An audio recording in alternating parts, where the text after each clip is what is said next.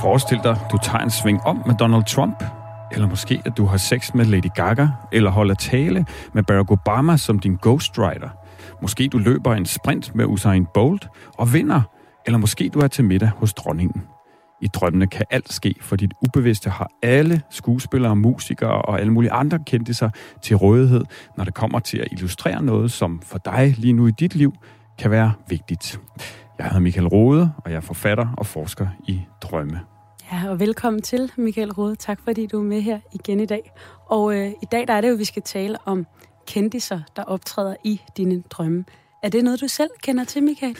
Oh, ja, jeg har øh, selv haft mange af, af slagsen, og igennem mit mangeårige arbejde med drømme, klienter osv., så, videre, så er jeg bestemt også stødt på, på rigtig mange af dem, så de, de forekommer ret ofte. Ja, og det er noget med, at vi også skal se lidt på. Der er et særligt studie, som fortæller lidt om det her med, med kendiser i drømme. Det er der nemlig, og det glæder mig til at sætte øh, ord på øh, et studie, som har kigget lidt på både forskellen hos mænd og kvinder øh, i forhold til at drømme om kendiser, men faktisk også på tværs af så forskellige kulturer som ja, faktisk USA og Iran. Og det, der er lidt nogle spændende vinkler på, på det, så det glæder mig til at dykke ned i. Det gør jeg virkelig også. Det er jo virkelig spændende det her med, at vi på et universelt plan har så mange drømme, der minder om hinanden på tværs af landegrænser, og så alligevel er der også nogle store, markante forskelle.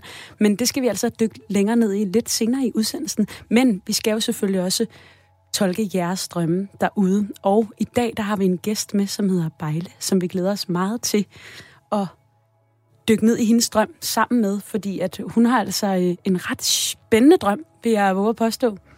Det har hun, ja. Hun har nemlig øh, øh simpelthen en drøm, apropos øh, kendisdrøm, det er jo så lidt øh, tilfældigt lige der, der er den sammenhæng, øh, men en drøm om øh, Elon Musk, øh, Tesla-stifter, øh, som er ude i, ja, det virker til at være lidt af et, et, et ræs, og der er Bejle altså med, og der er noget med et lam op på taget af den her bil, som Bejle gerne vil sikre har det godt, øh, og Elon Musk bliver troet med en kniv øh, undervejs, og drømmenes sprog er jo fantastisk, øh, og det, ja, det bliver en rigtig øh, spændende drøm at tale om. Det tror jeg virkelig også, det gør. Jeg glæder mig i hvert fald virkelig til at finde ud af, hvad det betyder, Michael. Og der er det jo vildt heldigt, at du er her, fordi det er jo dig, der er drømme drømmetolkeren her i studiet. I hvert fald så er der ikke mere at sige lige nu end rigtig hjertelig velkommen til Drømmespejlet. Du lytter til Drømmespejlet på Radio 4 med mig, Barbara Nyholm. Og Michael Rode. Og Michael, i dag der er, at vi skal tale om det her fænomen med kendiser, der optræder i drømme. Og du har et studie med, som vi skal kigge lidt nærmere på. Hvad er det, du står med?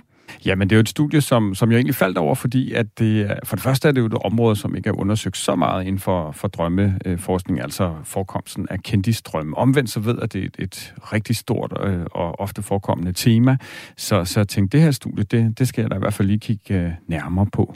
Øh, og, og helt grundlæggende, så var studiet egentlig mest sat op til at ligesom kortlægge, om der nummer et var forskellen mellem mænd og kvinder. Det er sådan lidt noget klassisk i drømmeforskning, at man åbenbart stadig gerne vil se, om der er de her forskelle øh, øh, i forhold til, for, for det har nemlig historisk set været tilfældet, øh, at kvinder tenderer til at drømme oftere om kendis og, og øh, ja, også have sex med dem oftere end mænd faktisk dobbelt så meget. Øh, så kan vi grine lidt af det, øh, og måske også snakke lidt om det. Øh, og, og så er der det her, den her ekstra sjove vinkel, synes jeg, øh, nemlig øh, undersøgelsen af, hvorvidt der eventuelt er forskel øh, i forhold til et mere vestligt land, klassisk vestligt land, USA, over for et land som Iran. Øh, og det er jo sådan lidt nogle sjældne studier, der kigger på de her forskelle.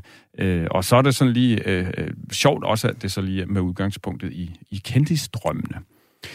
Øh, og Jamen, jeg synes, øh, når jeg sådan dykker ned i det, øh, så, så kommer studiet sådan ret hurtigt videre i forhold til her med, med forekomsten af, af kendis øh, fænomener eller personer. Øh, det er sådan mere, øh, ja, det drømmer vi jo om i gang imellem, alle sammen. Øh, der er noget statistik omkring sådan cirka en gang i livet, og det er sådan, ja, kan man, det ved jeg ikke, om man kan bruge til så meget. Drømme skal jo altid sættes relation til, til, hvad der ligesom sker i vores liv. Øh, til gengæld, så var der nogle, i, i det her studie, spændende konklusioner omkring, at øh, måske, som så ikke at se tid tidligere, så, ja, så drømmer mænd og kvinder altså lige meget om, om, om kendtiser. Øh, men det, som var øh, ekstra interessant lige med det her studie, og nu er det som sådan ikke lige det, det så skal handle om i dag jo, men det var faktisk, at i, synes jeg i hvert fald, at i Iran, der var øh, mænd øh, øh bedre til at huske deres øh, drømme end mænd i, ja, i USA, ikke? og det var kvinderne også, altså samlet set. Så, øh, fordi normalt i en vestlig kontekst, så er kvinder en anelse bedre end også mænd til at huske deres drømme. Øh, mens i det her studie øh, blev det meget tydeligt, at i Iran så er mænd og kvinder lige gode, og i øvrigt bedre end, end i en vestlig kontekst. Og hvad tror du, det skyldes? Jamen for mig så, i, i studiet bliver der spekuleret i, at, at det potentielt kan handle om, at øh, livet i Iran, øh, øh, sådan står det i studiet jo ikke, er en anelse hårdere og mere udfordrende, end, end, øh, end, end man typisk vil opleve det i, i USA for eksempel. Og det bliver så set som en af årsagen til, øh, at drømmene øh, presser sig mere på. Ikke? Drømmene vil jo på den den måde egentlig gerne hjælpe til, at vi har det godt og, og så videre. Selv så tænker jeg egentlig også, at, at der kan være, simpelthen være noget kultur i, at, at iranerne øh, øh, jo på den måde har formået, ja, sådan siger jeg det jo, med den jeg er, at holde bedre fast i det her med, at drømmene altså er værdifulde. Øh, noget, som jeg jo oplever på lidt, lidt er på comeback i, i en vestlig kontekst. Øh, så for mig var det bare sådan en interessant understregning af, at at, at, at, at lige der øh, har iranerne for mig at se fat i forståelsen af, hvor, hvor meget der egentlig kan være at hente i, i drømmene. Nu, nu kommer jeg lidt med, et, det kan jo være lidt skud i tonen, men det her med øh, det religiøse aspekt mm-hmm. af også at kigge på drømmene, mm-hmm. det er jo mhm. noget, man også ser i, nogle, i forskellige religioner. Helt og sikkert. Øh, generelt er vi jo kendt for i Vesten ikke at være lige så troende. Ja. Tror du, det kan have en indflydelse på, hvordan man går til det, drømmene, og hvor meget man er optaget af at huske dem? Det tror jeg helt sikkert, om, om man ligesom så siger, hvor kommer drømmene fra? Er det fra mig selv, eller er der nogle større kræfter på spil, som, som også vil fortælle mig noget? Øh, øh, altså begge dele inviterer jo til en større åbenhed over for drømmene, om det uanset han er sagt, hvor de så kommer fra. Øh, og øh, øh, alt er jo individuelt, og at sige, at, at alle iranere på den måde er mere øh, øh, religiøse og, og tager drømmene som, som ja, for eksempel beskeder fra Gud og så videre, det, det vil være forkert at sige, ikke? fordi det er meget individuelt jo. Øh, men jeg tror, øh, at der kulturelt er større øh, tradition for at, øh, at lytte til øh, drømmene og tage dem for, for gode varer simpelthen. Og hvis man selv gerne vil blive bedre til at lytte til sine drømme og huske dem, er der så nogle øh, råd, du kan give? Jamen, øh, man kan jo starte med at lytte til øh, x antal episoder af Drømmespejlet. Det at fokusere på, på drømmene gør en kæmpe forskel. Simpelthen at tune ind på deres sprog, og selvfølgelig ens egne drømme. Øh, om, og så skal man jo lige i gang med at, at huske dem. Og det handler grundlæggende om at, at interessere sig for dem, og begynde at indtale dem, og nedskrive, og, øh, og så videre. Og ellers have den her intention om gerne at ville huske dem. Det gør en kæmpe forskel.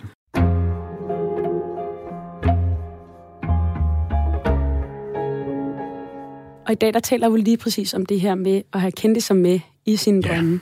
Og jeg har modtaget nogle beskeder omkring nogle virkelig sjove øh, møder, folk har haft med ja. alle mulige kendte mennesker. Og jeg synes, det er meget sjovt det der med, hvor, hvor de popper op henne, og hvorfor de er i en strøm. Men i hvert fald for mit eget vedkommende, så er jeg jo også jeg er blevet meget mere bevidst om, hvad jeg drømmer, efter jeg begyndte at lave det her program. Og det er jo også se. meget spændende, at, at det, det ligesom er klart både blevet en del af min bevidsthed og min underbevidsthed. Men kan du sige lidt mere om det her med kendisstrømme? Altså, du siger det en gang om året.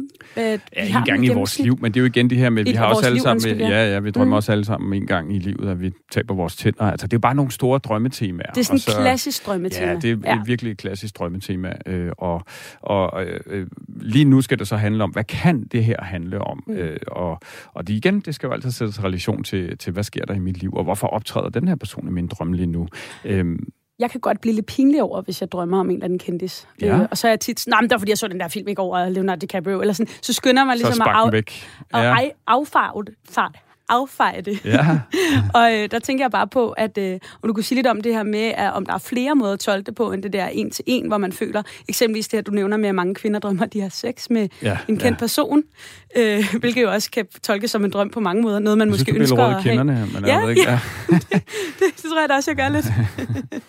øh, jamen, øh, helt, helt øh, sikkert, altså man kan sige, der er mange forskellige vinkler på det, ikke? Og, og jeg synes, stedet at starte er jo øh, den her helt grundlæggende med, at, at det selvfølgelig han altså, kan handle om, at, måske, at man måske tilstræber, eller godt kunne tænke sig at have de samme egenskaber, som den her kendisperson har. Ikke? At der er simpelthen, altså det er jo sådan lidt idoldyrkelsen på en eller anden måde. Ikke? Øh, altså noget med at tilstræbe, eller gerne vil opnå øh, øh, de samme egenskaber, vente så en skuespilsegenskab, eller hvad simpelthen, øh, at det er sådan noget mere noget grundlæggende med, øh, måske at opleve succes øh, som så, ja, så kan vi snakke om, hvad er succes egentlig, ikke? Det er jo det vil rigtig mange filmstjerner også sige, at det ikke nødvendigvis øh, en succes at være skuespiller. Det handler om nogle helt andre ting. Men, men det kan være øh, det, det kan handle om, altså sådan tilstræben. Øhm, og det kunne også være, øh, ja, øh, en milliardær, som har mange penge, og det vil man så måske også gerne sælge. Det er sådan lidt en, en klassisk vinkel på mange drømme, altså de ønskeopfyldelse, men en lidt dybere og synes jeg mere værdifuld, øh, i hvert fald mere positiv vinkel på drømmene, kan også være, at drømmene simpelthen illustrerer, hvordan man ganske enkelt har de her egenskaber i en selv. Altså, at, at den kendte person, hvad end det så er en moviestar, en rockstar, eller øh, en mange milliardær, eller hvad søren det er, peger på nogle kvaliteter, nogle muligheder, og ressourcer øh, i os selv, som vi reelt har. Og så er det jo ikke sikkert, at det nødvendigvis handler om, at vi skal blive en øh, øh, verdenskendt, øh, øh, altså en Leonardo DiCaprio, eller, øh, øh, eller hvem vi nu skal være. Det er ikke nødvendigvis det. Vedkommende kan egentlig bare i vores drøm være et billede på, på, at vi har muligheden for, øh, eller vi er ekstraordinære. Det er vi alle sammen. Vi er ressourcestærke. Vi kan alle mulige fantastiske ting, og det er jo ikke betydning af at skulle være super kendt nødvendigvis, eller tjene sindssygt mange penge. Øh, det handler egentlig bare om at finde ind til den grundlæggende forståelse af, at vi alle sammen, det tror jeg meget stærkt på, er udstyret med noget, som vi er skide gode til, og som det handler om for os at finde ud af, øh, ja, hvad er det, jeg skal i mit liv? Øh, hvad er det, jeg er god til? Og hvad er det, jeg ligesom er sat i verden til? Og det kan de her drømme altså også være billeder på, at der er noget øh, der, som vi kan tune ind på og udleve med andre ord. Meget spændende, Michael Rode. Og det, du siger her, det er jo faktisk, at hvis man vågner og er lidt intimideret over, man måske har drømt om en kendis på en måde, hvor man føler, at det er sådan lidt underligt, fordi man måske også kan tænke, at det er fordi, jeg er misundelig, eller det er så langt fra mit eget liv, og jeg drømmer så meget om, om en eller anden form for succes. Så kan det faktisk også være, at den her person i din drøm ligesom repræsenterer noget, du allerede har i dig selv. Ja, og, og, og skulle man så have sex med vedkommende, så, så kunne det jo egentlig bare være et billede på, at man lige der øh, er mere ved at få godt fat i det her i en selv. Ikke? Det er jo det, der er med sexdrømte tit, især med de her lidt ukendte mennesker, for, eller nogen vi ikke kender øh, tæt på, øh, og har en tæt relation til. Hvorfor har vi pludselig sex med dem? Jamen, der vil det, som jeg jo kalder den indre tolkning, tit gælde. Altså, drømmen kan være et billede på, hvordan vi lige nu måske har fat i noget, eller gerne vil have fat i noget i os selv, som, som jeg vi forbinder med, med det her andet øh, menneske, den kendte person. Og, og det er måske en sidste vigtig ting også at sige, at det hele handler jo egentlig grundlæggende om ens egne associationer til den her kendis. Altså, hvad forbinder jeg med ham eller hende? Og hvordan kan det så potentielt være, at jeg er rigtig ofte øh, et billede på noget i mig selv?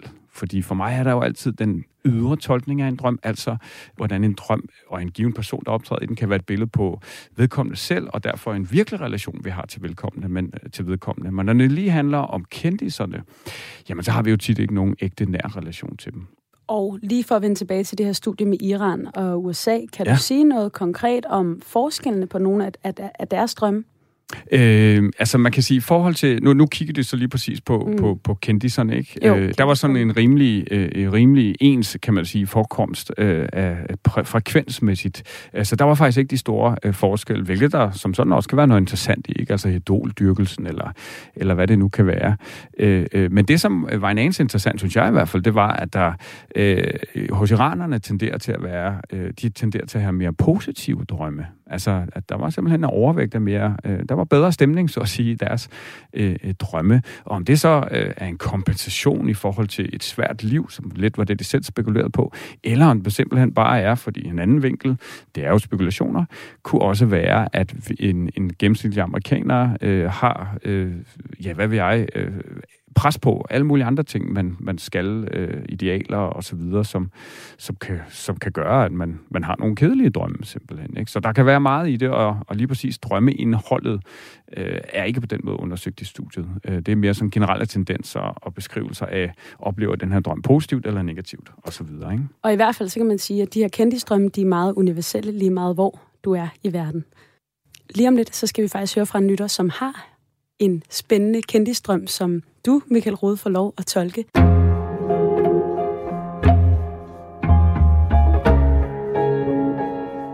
Du lytter til Drømmespejlet på Radio 4, sammen med mig, Barbara Nyholder, som er din vært, og Michael Rode, som også er din vært, og som er drømmetolker og forsker.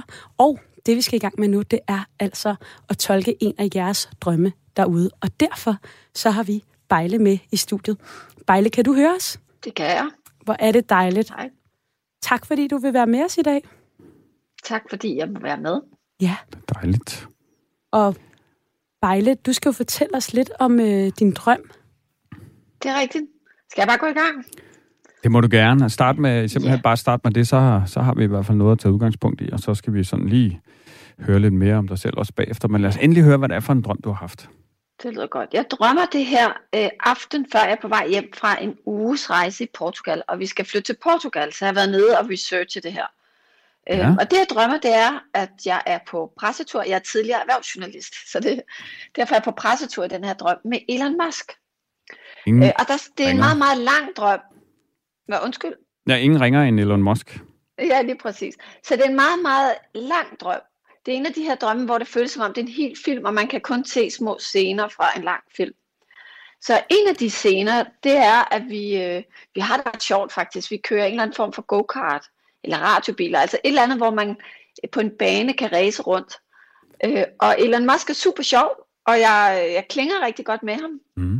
Øh, det, det er en virkelig, virkelig god drøm på den måde. En meget sjov og varm og lejende drøm. Så skal vi så på et tidspunkt videre, og øh, jeg kommer ind i en bil med chauffør. Det er sådan en, en lang amerikansk bil med ja, en eller anden limousine af en art. Mm-hmm. Og så opdager jeg, at der er et eller andet med taget. Taget står lidt åben, og jeg kan høre noget græde. Øh, næsten ligesom en baby, men det viser sig så at være et lam, som chaufføren har på taget. Det lam, han passer på. Øh, og det får små brikker af det her kaffemælk, det der billige kaffemælk, man kan få ved de billige kaffeautomater. Øh, og, og jeg sidder og tænker, hvad så når vi kører, hvad med det der lam på taget, så falder det vel af. Så jeg foreslår, at jeg får lov til at holde det her lam og give det det der brikker, som passageren bag i. Jeg ved ikke, hvad det bliver til, om jeg får lov til det, fordi det er det eneste, jeg lige får, kan huske i hvert fald fra drømmen der.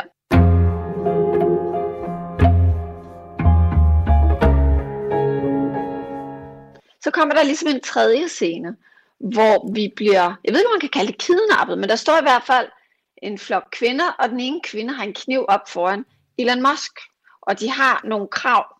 Øh, så der er vel en eller anden form for kidnapning.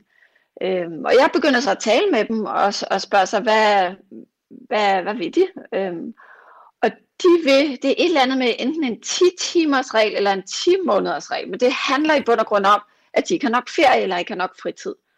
Øh, et eller andet med 10 i hvert fald. Ja. Øh, og, øh, og jeg tænker, uh, det er ikke så godt, de har lige kniven på Elon Musk, for det kan gå, altså det kan blive en ret stor mediesensation, og de kan måske blive stresset, og øh, så først så tænker jeg på at sige noget sjovt, som nu, nu har I i hvert fald verdens øh, attention, verdens opmærksomhed her. Ja. ja. Men man tænker, at jeg vil ikke stresse dem, så i stedet for så stiller jeg nogle flere spørgsmål. Jeg spørger, om de kan genkende nogen i, i flokken, øh, også fra presseturen, og det kan de ikke. Og så kan jeg jo så forstå, at de kender ikke Elon Musk overhovedet.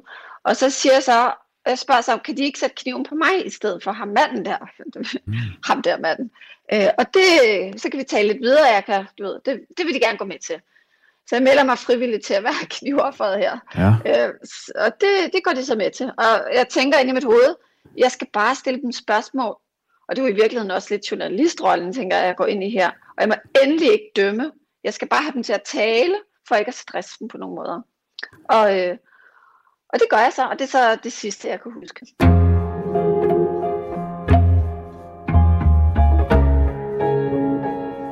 Ejle, øh, super spændende øh, drøm med virkelig mange, øh, for mig sindssygt spændende facetter, som jeg virkelig glæder mig til at dykke ned i. Øh, og hvad kan man sige, inden vi, vi sådan for alvor øh, går i, i clinch med drømmen, så øh, vi drømmer jo det, vi gør øh, af en årsag, og rigtig ofte er der en direkte sammenhæng med, hvad der sker i vores vågne bevidste liv, øh, hvad der sådan fylder øh, meget lavpraktisk konkret, hvad er det, vi sådan oplever, men også jo, øh, hvad fylder der i vores tanker, i vores øh, følelsesliv. Du fik sådan lige kort sat ord på, at, at, at du øh, står over for at skulle flytte til, til, til Portugal. Øh, kan du sige lidt om, hvad, hvad der sådan er på spil i dit liv lige nu? Jo, det kan jeg tro. Hvis vi spoler faktisk fire år tilbage, så blev jeg fyret fra mit job som erhvervsjournalist. Og det har så betydet, at jeg er blevet selvstændig. Og jeg arbejder med aktier, og det er jo her, hvor Elon Musk kommer ind. Ja. Og jeg står for en helt speciel investeringsstrategi, der hedder value-investering. Øh, og det er den måde, som Warren Buffett investerer på. Og den her verden med value-investering er fuldstændig det omvendte af den verden, som Elon Musk øh, og Tesla står for, eller dem, der investerer i Tesla. Ja. Fordi value-investering er en meget konservativ måde at investere på. Man kigger meget på, om, om det, som aktien koster, eller det, som selskabet koster på aktiemarkedet, om det egentlig er det værd. Øh, og value-investorer traditionelt set er ikke særlig vilde med Elon Musk, fordi han er meget uforudsigelig. Øh, han gør nogle skøre ting, så jeg tror ikke, der, altså jeg ved ikke, om man kan sige, at der overhovedet ikke er nogen value-investorer, der investerer i Tesla, men de elsker at gøre det omvendt, at shorte Ej, Tesla. Spændende. Ja, sjovt. Ja. ja. Så jeg er virkelig, øh, jeg er virkelig ude på et tidsspor. Hvad laver drøm. han der? Ja. ja. Okay, ja. Så, så, så, så det er altså meget konkret, hvad kan man sige, øh, de, ja, det du laver. Øh, hvad med det her ja. med at skulle flytte til, til, til, til Portugal? Til Portugal, ja. ja. Ja, det er selvfølgelig også en meget, meget stor ting. Ja. At jeg har besluttet mig for, at, øh, at jeg og så mine to drenge, som nu er 5 og 7, vi flytter til Portugal. Og jeg har fundet en skole, øh, den var vi nede at besøge, og jeg har fundet et hus. Det skriver jeg under på i dag. Så det er nogle kæmpe store ting, der sker. Det må man sige. Der sker, nu handler det jo også meget om biler, så der sker også noget meget på bilfronten. Jeg har ikke kørt bil, jeg har ikke ejet en bil i 20 år. Du ved, man bor i København, og ja, ja. skolen ligger lige herovre, og det er ikke rigtig været nødvendigt. Så nu er jeg begyndt at tage køretimer igen, og, øhm, og vi kørte rigtig meget rundt, det vi var dernede øhm, i en uge. Og det, der turde jeg så ikke køre selv, så det var netop med en chauffør, det var med Uber-chauffører øh, ja. ja. og taxichauffører. Øhm, og, og der var der hele tiden en, som ligesom havde kontrollen i bilen. Og jeg havde hele tiden fokus på, om de her to drenge var okay, om de var spændt fast. Og det kan jo nogle gange gå lidt hurtigt i sådan en bil her. De, de har travlt, de arbejder på akkord, så de kører bare før, de er spændt fast. Så det, det minder lidt om den her følelse med det her lam på taget. Der kunne der bestemt på, være noget der. Ja. Ja. Og, og hvad, hvad, hvad sådan med hele ja, beslutningen? Hvordan har du med det hele nu? Er du spændt? Er du nervøs? Er du hvor, hvor står du henne? Ja, da jeg drømte den her drøm, der var vi jo i Portugal, og det var en ret uh, skøn tur. Altså, det var virkelig, virkelig en god oplevelse også for drengene. Mm-hmm. Uh, så, og jeg var jo lidt spændt på at skulle hjem næste dag, og det er jo ikke sådan helt at flyve for tiden, og skal man tage test, og kommer vi nu igennem, og går alt, som det skal, altså på grund af corona selvfølgelig. Uh, så jeg var lidt spændt og havde svært ved at sove den aften, hvor jeg havde den her drøm. Men også meget, meget glad for at have oplevet, at jeg har truffet nogle gode valg. Vi kunne godt lide det hus, jeg har valgt på nettet til os, og vi kunne godt lide skolen. Det var, nogle, øh, det var bare en god skole på mange måder. Mm. Øh, og i det hele taget, så var jeg virkelig glad. Det, det var jeg faktisk, ja. Så følge op af glæde, og så samtidig ja, svært ved at sove, altså som udefra set jo giver utrolig god mening i sådan en situation. Ikke? Det, er, det er en stor beslutning øh, at, at, at flytte ned øh, øh, med to børn og så videre. Øh, så, så det giver, det giver da utrolig god øh, mening. Jamen, øh, Bejle, du har jo allerede sådan sat lidt ord på øh, nogle umiddelbare associationer og tanker omkring øh, Elon Musk. Kan, kan, du, kan du sådan lige kort sige, du, du har en umiddelbar association omkring noget med aktier og så videre, men hvad, hvordan ser du ellers en person som Elon Musk? Jeg er jo fuldstændig beundring over de ting, han udretter. Altså jeg kan godt se, at det er måske ikke så smart at købe aktier i Tesla, men hold da op. Mm-hmm. Tesla er en fed bil, og jeg tænker, altså, al, alle de ting, han udretter. Han har en utrolig kraft, og jeg er i det hele taget ret vild med den type øh, ledere af erhvervslivet, altså de her iværksættere, som vil forandre verden. Jeg synes, det er, det er fantastisk. Så selvom jeg ikke er helt enig øh, med nogle af tingene, og godt kan undre mig over, at han for eksempel øh, ryger sig skæv i et øh, radiostudie, eller hvad han nu kan finde på at sige derude i offentligheden. Han siger nogle ret vilde ting nogle gange. Øh, så synes jeg, det er ret fascinerende, alle de ting, han bedriver. Ja, Øh, meget, meget fint. For det, det for mig, at det jo et oplagt sted at starte med sådan en drøm, ikke? Når, når apropos kendis og så videre. Øh, hvad, hvad er så dine umiddelbare tanker om, om, om ham? Så der er jo både sådan noget konkret i forhold til det, du ligesom laver, men også en fascination af, af ham som, øh, som, øh, som, som menneske. Øh, og øh, det er... Øh, nu er han på en eller anden måde, den her drøm, der, der er han jo ligesom...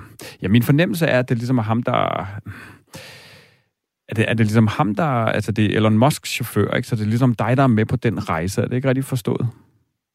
Jo. Ja, ja du er ligesom med mm, som passager på en eller anden måde.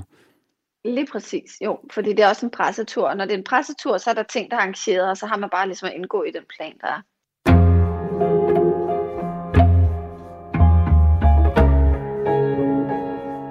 Du lytter til Drømmespejlet, hvor vi altså er i fuld gang med at høre om Bejles drøm. En drøm, der blandt andet omhandler Elon Musk og det her med at flytte til Portugal. Super spændende. Og øh, Bejle, du er stadig med os? Det er jeg.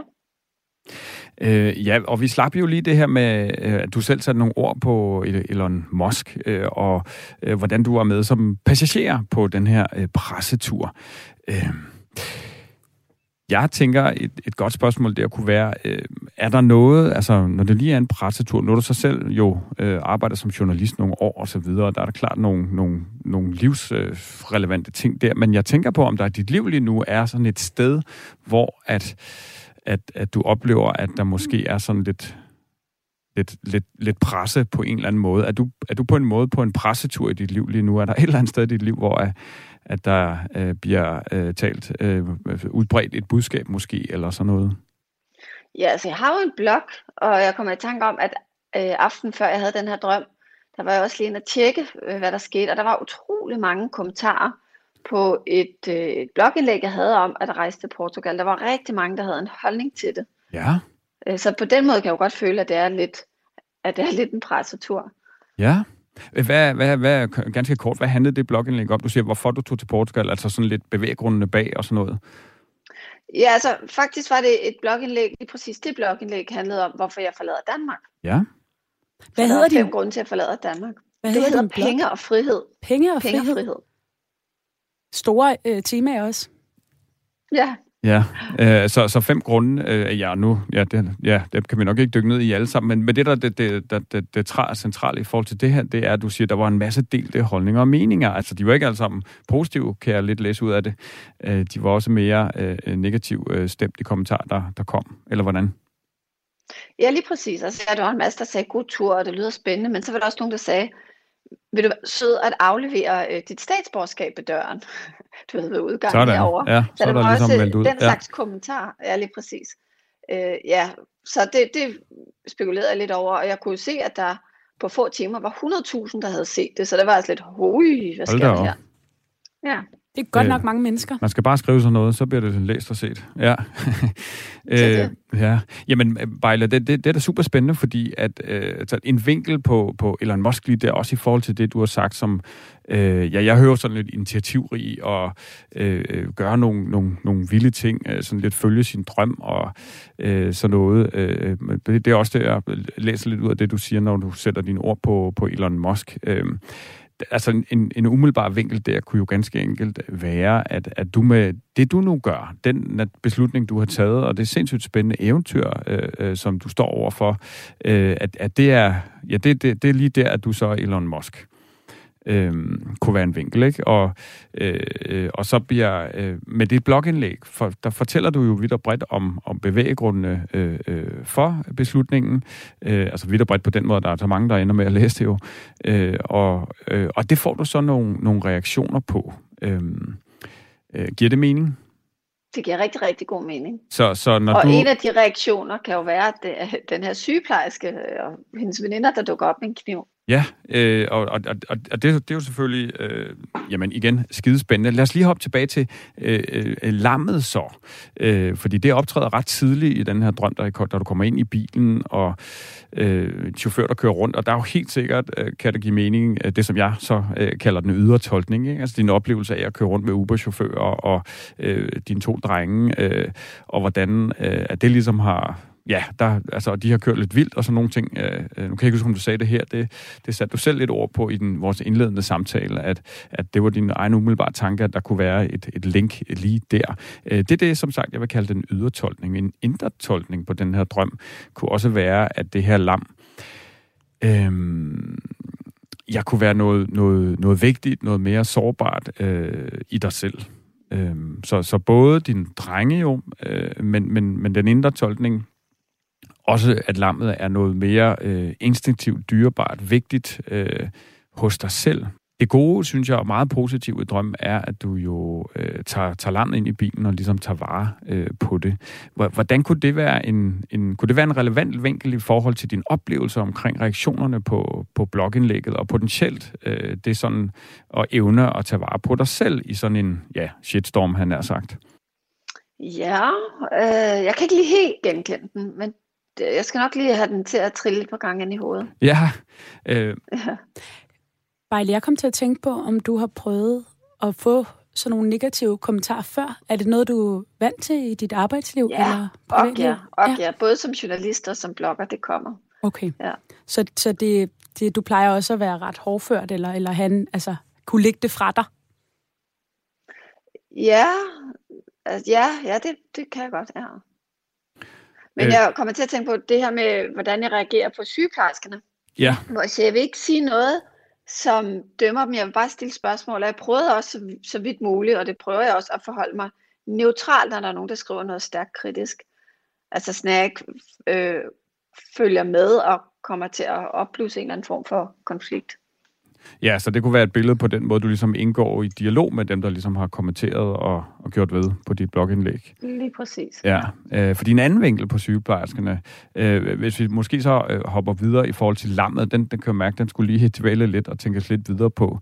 Øh, øh, men for mig at se, kunne det jo også være noget med simpelthen at, at tage vare på dig selv i alt det der, ikke? Øh, øh, lige præcis også i forhold til sygeplejerskerne. For, en anden, for mig en anden vinkel på sygeplejerskerne kan jo ganske enkelt også være, at de kunne være udtryk for, for noget i dig selv, som, som ligesom Ja, jeg oplever det sådan lidt. Nu er det så også dem, der tror øh, øh, Elon Musk, øh, og, og, og det kunne jo godt være de negative kommentarer på, på blogindlægget der. Ikke? Ganske enkelt, at, at sådan hele eventyret, ideen om at tage til Portugal, altså Elon Musk-ideen, øh, øh, øh, at den bliver troet på livet lige øh, der. Øh, men de kunne simpelthen også, øh, altså det kunne være lidt todel. De kunne også være billeder på en, en mere omsorgsdreven del af dig selv, som faktisk, det var noget med nogle 10-timers regler og 10 måneder, og hvad det nu er. Øh, at, at, at sådan en drøm kan jo også sige noget om, at Bejle, du har virkelig gang i mange ting lige nu. Der er fuld knald på. Der er mange ting, der fylder i, i dine tanker. Øhm, Øh, og øh, altså, ja, pas nu på dig selv. Øh, sørg, sørg for, at du ikke øh, kører øh, 120 timer, hvor din øh, krop faktisk kun kan, kan, kan klare øh, 100 og så videre. Hvad siger du, når jeg siger de her ting? Ja, det lyder faktisk meget rigtigt. Også fordi de, er, de var ikke bange for dem. De var jo sygeplejersker. Altså deres ja. rolle var at passe på, på mennesker og passe på sig selv. Det er ligesom det, de står for. Ja. Jamen det, det øh, øh fordi hvis du øh, synes, at det giver mening, så, så kan sådan en drøm jo simpelthen også sige, at, at pas på dig selv i alt det her bejle. Der er virkelig knald på, der er mange ting oppe, og udfart set, så igen, det giver jo mening, sådan, sådan en stor beslutning, og det, at du i øvrigt er så offentlig omkring den, og får så meget opmærksomhed omkring det, øh, så, så for rigtig mange, så vil en naturlig reaktion jo være, at der kan komme sådan et enormt øh, øh pres på. Øh, og der synes jeg jo bare, at der er to ting, der er rigtig stærke. Drøm nummer et, øh, du, var, du, du tager vare på det her lam, som så både kan være din drenge, hvis vi tager det billede, at den simpelthen symboliserer øh, dem, dine børn, og din evne til at beskytte dem, så at sige, i alt det her. Øh, nummer to, øh, at, at, at, at det også siger noget om din egne evne til at, og, øh, altså i, i ældre sådan, drømmelitteratur, så ser man faktisk en lam som noget meget øh, øh, dyrebart, og faktisk også barnligt, øh, stærkt, øh, rent osv., som er det, der skal til for at takle og håndtere øh, onde ting og sager, han har sagt. Øh, og, og, og ud fra set, så kunne det godt virke som om, at du lige der fagner og rummer og får fat i noget, som er det, der skal til for at kunne, kunne takle øh, angrebene. Hvorimod at, at sygeplejerskerne så Øh, ja, det kunne jo sige, de vil først øh, slå øh, Elon Musk ihjel. En vinkel der. Øh, øh, passer du ikke på dig selv, jamen så kan hele eventyret falde til jorden. Øh, hvis du selv kollapser i det, midt i det hele, han har sagt, ikke?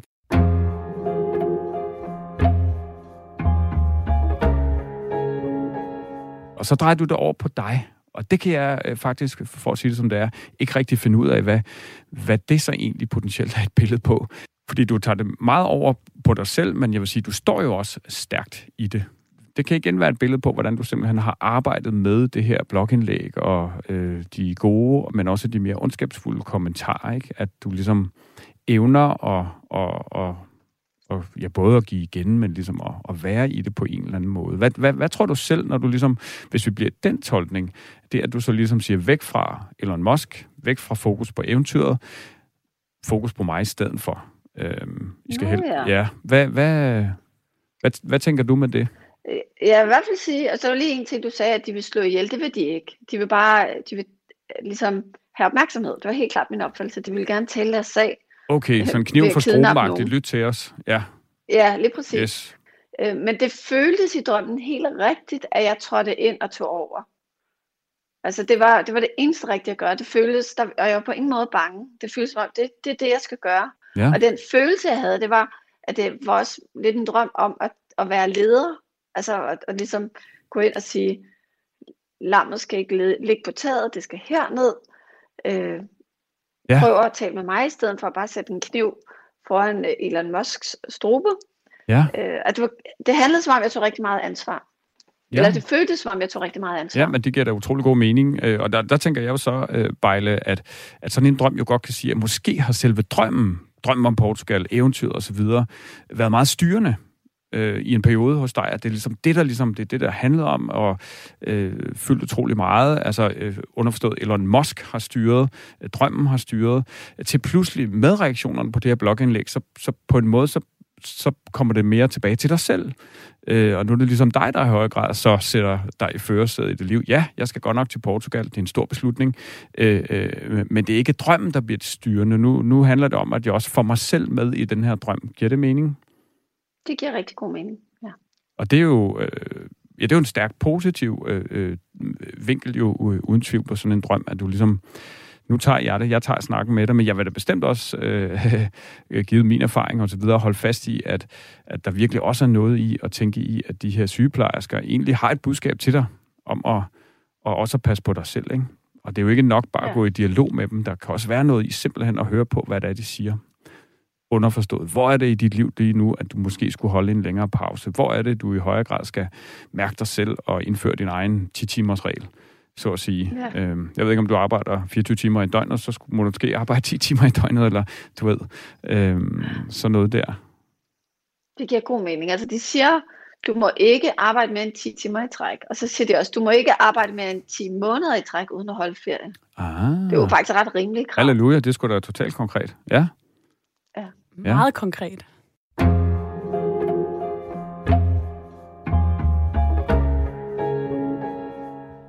Bejle, ja, hvad tager du sådan med fra, ud fra hvad vi har talt om indtil nu? Giver noget af det her mening?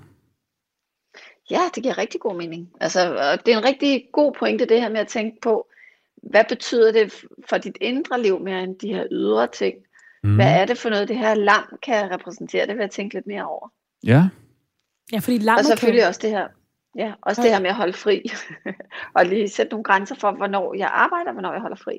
Det er jo også vildt spændende, at det er så konkret med de her arbejdstider i drømmen. Jeg kom bare til at tænke på, øh, Michael, om du kan spore os lidt ind på, det her lam kan jo betyde rigtig mange ting i Ja. drømmeforskning, og du har jo nævnt nogle af dem, men, men om, om, om man kan gå lidt i dybden med det måske? Ja, altså man kan sige, der er jo simpelthen også noget sådan øh, bibelsk om det, ikke? Lam, og, og, og, og rigtig ofte øh, altså, tale om en, en offring simpelthen, ikke? Øh, øh, og i den her kontekst spejler, så kunne det, at lammet røg af øh, øh, og døde, øh, øh, jo sådan billedligt øh, handle om, at du måske simpelthen så gav køb på dig selv, eller mistede dig selv, eller mistede det absolut mest styrebare, øh, både den ydre, øh, at dine børn, dine drenge, øh, øh, hvad kan man sige, øh, på en eller anden måde bliver ramt eller øh, lider skade af de her ting, men måske mere på det indre plan, at du simpelthen øh, selv øh, øh går i stykker, han har sagt, hvis ikke du øh, evner. Altså hvis du ender med at ofre lammet, øh, så ja, hvad kan man sige, hvad kunne det, det kunne måske være, at du så, ja, øh, kollapsede i det, ikke? Eller fuldstændig øh, gik ned med i alt det her, øh, øh,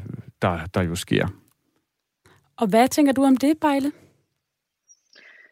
Øh, ja, det lyder voldsomt at gå i stykker, Ja. øh, men det er da dejligt, at jeg har taget lammet ind i bilen. Vi skal sådan så småt til at runde af, men jeg tænkte her til sidst, Bejle, om der er noget, du ligesom kan bruge. Jamen helt klart, både det her med 10 timers regler, Ja. og 10 måneders regler, og så også det med at passe på lammet. Ja, Mm. altså dig selv også. Lige præcis, ja. Fantastisk. Rigtig meget held og lykke med øh, dit dejlige eventyr. Bejle, er det i Algarve, eller hvor er det, du skal bo henne? Det er uden for Lissabon i uh, Cascais. Okay. Ej, var det spændende. Og hvad var det, din blog hed? Jeg tænkte, hvis der nu er nogle lytter, der kunne tænke sig at følge lidt med i dit eventyr. Den hedder Penge og Frihed. Penge og frihed. Bejle, mm. tusind tak, fordi du vil være med i dag og dele din kendisdrøm, som jo også var en drøm om så meget andet. Tak fordi jeg måtte være med. Det var sandelig så lidt. Og husk, at hvis du derude også kunne tænke dig at få tolket din drøm her i studiet, så er du altid velkommen til at skrive ind til spejlet radio4.dk. Du kan fortælle lidt om din drøm, og så kan det være, at vi vælger at tolke den her i programmet. Nu er det blevet tid til Drømmekassen. Drømmekassen.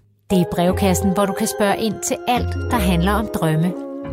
Hvorfor griner jeg nogle gange, når jeg sover? Hvorfor har jeg ofte mareridt om klovne? Har lyde i mine omgivelser indflydelse på det, jeg drømmer? Drømmer dyr? Hvordan drømmer blinde? Hvorfor har jeg sex med min mor i min drømme? Send dit spørgsmål til Drømmekassen til spejlet snablag radio4.dk. Og ja, vi har jo været alle mulige steder henne i dag her i Drømmespejlet, men nu skal vi dykke ned i et spørgsmål fra jer, kære lyttere, som altså også handler om drømmene. Der er jo tusind ting, man kan spørge om, men hvad er det, vi skal blive lidt klogere på i dag, Michael Rode? Jamen, vi har fået et spørgsmål, som ganske enkelt går på, hvor lang er en drøm? Altså sådan i betydningen af minutter. Hvor lang tid var den? Øh, og det er jo et øh, spørgsmål, jeg for det første har fået utrolig mange gange, og jeg synes også, det er et øh, skide spændende spørgsmål. Øh, især når man tænker på, at drømmene jo rigtig tit... Øh, ja, man kan jo vågne med en oplevelse af, at man har oplevet hele sit liv i revy, øh, spændt ud over tid, eller man har været sted i flere måneder på et eller andet eventyr, øh, som jo så reelt ikke har kunnet lade sig gøre, vel, fordi man jo alt andet lige kun sover øh, 7-9 timer øh, om natten, hvis vi ellers får den søvn, vi har brug for. Hvis man dykker ned i forskning, der egentlig kigger på, øh, og hvor ved man egentlig det fra, jamen det finder man jo ud af, for eksempel ved at lave sådan nogle klassisk øh, studie, hvor man ja, sover i søvnlaboratorium, har elektroder spændt på hovedet, og så tracker man jo simpelthen forskellige typer af hjernebølger, hvor man så ved, hvor vi ved, at når vi har den her slags hjernebølger, så er vi i remsøvn, som typisk vil være forbundet med, at vi drømmer. Øh, og så vil man simpelthen kunne måle, ja, på den måde længden af drømmene. Så øh, for at kunne svare på det, så... Øh, er det korte svar, at en drøm kan vare øh, alt lige fra et minut øh, til op imod sådan på den gode side af, af 30 minutter. Og det hænger jo ganske enkelt sammen med, øh, hvad kan man sige, sandsynligheden for, at drømmen den er længere, den er større jo senere på natten. Fordi vi drømmer mere og mere, som natten skrider frem. Andelen af REM-søvnen, øh, den her rapid eye movement, hurtig øjenbevægelsessøvn, som alt andet er lige, er der, hvor vi drømmer mest. Vi drømmer nemlig også i ikke-REM-søvnen. Det er den dybe søvn, ikke? Øh, ja, det er faktisk lige omvendt. Okay. Øh, REM-søvn er den letteste form for søvn. Vi er nærmest vågne, når vi, når vi drømmer, og det er også derfor, vi tit kan vågne af vores drømme. Øhm, altså, øh, ja, ja fordi... så, så rem-søvn, der er vi faktisk i en meget let søvn. Det er vi nemlig. Jeg har altid tænkt, at når man sover meget tungt, ja. så drømmer man mere, men det er faktisk omvendt. Det er faktisk lige omvendt, ja. Øh, og det er super godt, du siger det, øh, fordi det er en, en, en udbredt opfattelse, at det er sådan, det er det måske meget naturligt at tænke, når jeg har de der sindssygt syrede drømme, hvor jeg kan flyve, eller jeg bliver dræbt, eller øh, som jo ikke er noget, der sådan sker i virkeligheden, så sover jeg dybt. Øh, men det er øh, faktisk øh, lige omvendt, at det når vi har de her mere en-til-en-agtige med virkeligheden drømme, som, hvor det måske ikke er så vildt, det der sker, det vil være en typisk ikke-rem drøm. Og ikke-rem søvn, det er den dybe søvn. Øhm, så ja. Der fik vi jo faktisk svar på flere spørgsmål Halleluja. end bare det ene. Ja. Men hvis vi lige vender tilbage til det her med, hvor lange drømme ja. kan være. Øhm, har du nogen idé om, hvad, hvad, hvad den længste drøm er, du selv har haft? Åh, oh, det er et godt spørgsmål. Øh, det, det er den nærmeste af, af gode grunde, så kan jeg ikke sådan øh, øh, sige det. Øh, nej, du har ikke lige øh, fået det undersøgt. øh, altså det, det, som jeg har stødt, stødt på øh, i forhold til, hvor, hvor langt folk har oplevet, der, der er jo simpelthen folk, der skriver, at de har øh, drømt op imod en time, ikke? og det, hvis ikke det ligesom er mål i et, i et, et eller andet søvnlaboratorium, så kan det være svært at verificere. Ikke? Men det er jo sådan mere opfattelsen øh, hos folk selv. Øh, så det har egentlig svært ved at sige, men i, i, i sådan en øh, laboratorie, søvnlaboratorie-kontekst, øh, så, så er det op imod sådan 40 minutter, tre kvarter. Så når du nævner en halv time, jeg synes jo, det lyder af utroligt lidt. Og jeg tror, de fleste af os kender det her med, for eksempel, det, vi har også snakket om det før, med at man flygter i en drøm. Altså ja. de her meget klassiske drømme, hvor du kan vågne ja. og være helt badet i sved og være sådan, der er nogen efter mig. De drømme kan jo føles, som om de har stået på hele natten. Og så i virkeligheden er det faktisk meget kort tid. Ja, det, det er nemlig rigtig ofte oplevelsen, øh, at både det, der sker i drømmen, øh, kan historiemæssigt strække sig ud over helt ufattelig lang tid, jo igen et helt liv, eller måske flere årtusinder. Øh, men hvis man har en mareridtsagtig drøm om at være forfulgt, eller hvad det nu kan være, så kan det jo opleves, et sekund kan opleves som en evighed. Ikke? Så, så ja. Så det vil faktisk også sige, at, at det ved jeg så ikke, om du ved noget om, men det kan man jo undersøge i forhold til forskning, det her med, om Marits altså de ubehagelige drømme, virker som om de var længere, men måske faktisk var den samme længde som de gode drømme, eller Ja. de mere almindelige, Ja, kedelige det, drømme. det, det, det vil jeg sige. Og nogle gange, så kan de jo bare, øh, så kan det være rigtig kort, simpelthen. Ikke? Øh, De er så intense, man er lige ved at dø, eller ja, man bliver forfulgt. Øh, øh, selve det øh, kan jo være noget, der udspiller sig over ganske få sekunder nærmest. Ikke? Øh, Men følelsen er så voldsom, at, at det føles som et helt liv lige der, der, der bliver sat på spidsen. Og et minuts drøm, altså hvis vi nu tager Bejle, vi lige har haft igennem som eksempel, mm. den drøm kan jo ikke kun have varet et minut, tænker jeg. Uh, ja, nej, det er altså formodentlig ikke. du? Nej, men Ja. formodentlig ikke, vel, fordi der var så meget i den. Og Så mange også, elementer, Der var ja. så rigtig mange elementer, og hun kunne heller ikke huske, øh, hvad kan man sige, alle detaljerne. Øh, så formodentlig har den der strukket sig ud over øh, en, en del minutter, men, men det, vil være, det vil være svært at sige. Der kunne være noget i, at, i og med, at den var så præsent og så meget en reaktion på det, hun konkret havde oplevet dagen før, som drømme i øvrigt tit er, men det er jo store ting, hun har været udsat for der, øh, sådan umiddelbart udefra set i hvert fald. Så kan den jo netop godt afstedkomme, øh, at den bliver meget intens, og så derfor måske... Øh, jeg drømmene vil jo typisk reagere på voldsomme ting og bearbejde dem sådan, så vi vågner op. Altså, de prøver at håndtere det, vi oplever jo. Så med andre ord har det bedre, når vi vågner, end da vi gik i seng. Øh, det er ikke altid, det lykkes, og det er så der, drømmene kan komme til kort jo, i forhold til at hjælpe os til at få det bedre, og det er derfor, det kan give mening at prøve at forstå dem. Men det sagt, så, så ja, det er i hvert fald en antagelse, ikke? at det har været en, en, en længere drøm for Bejle her. Så det betyder faktisk også, at man godt kan have forskellige drømme i løbet af en nat. Og det, det er der sikkert også flere, der har oplevet, men det er jo ikke så mange, der refererer til flere drømme, når de vågner og siger, så drømmer jeg først det her, og så drømmer jeg det her, og så drømmer jeg det her. Nej, Det kan jo godt lade sig gøre, tydeligvis, ja. fordi vi kan sagtens drømme meget forskelligt i løbet af en nat. bestemt. bestemt. Men det er jo tit, der er en drøm, der sætter sig bedre fast. Ja, og det er rigtig tit den, vi så vågner af, ikke? eller har i hovedet, lige når vi vågner om morgenen, eller måske med, midt om natten. Men ja, det øh, forsøger man at sætte tal på, og det er jo dybest set øh, lidt svært at gøre, men det er igen noget med at måle hjernebølger. Så har vi sådan et sted omkring 5-8 drømme hver nat. Øh, øh, og de kan handle om alt muligt forskelligt, men tit så øh, er det min oplevelse, at der, er en, at der er en tendens til, at de svinger omkring det samme tema, som altså simpelthen er noget omkring, hvad sker der i vores liv lige nu og her.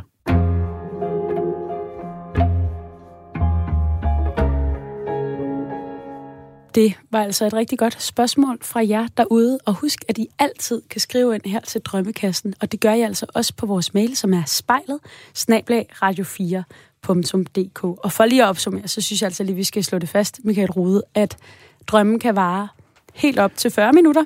Ja. Mm. Men det mest normale er, at, altså, man- at drømme i gennemsnit kan ligge fra 1 minut til 30 Jeg minutter. vil, øh, øh, konkret gennemsnit 25 minutter. Perfekt. Øh, ja, så Så der, øh, der ved du altså, hvad du har med at gøre. Ja, lige præcis. super.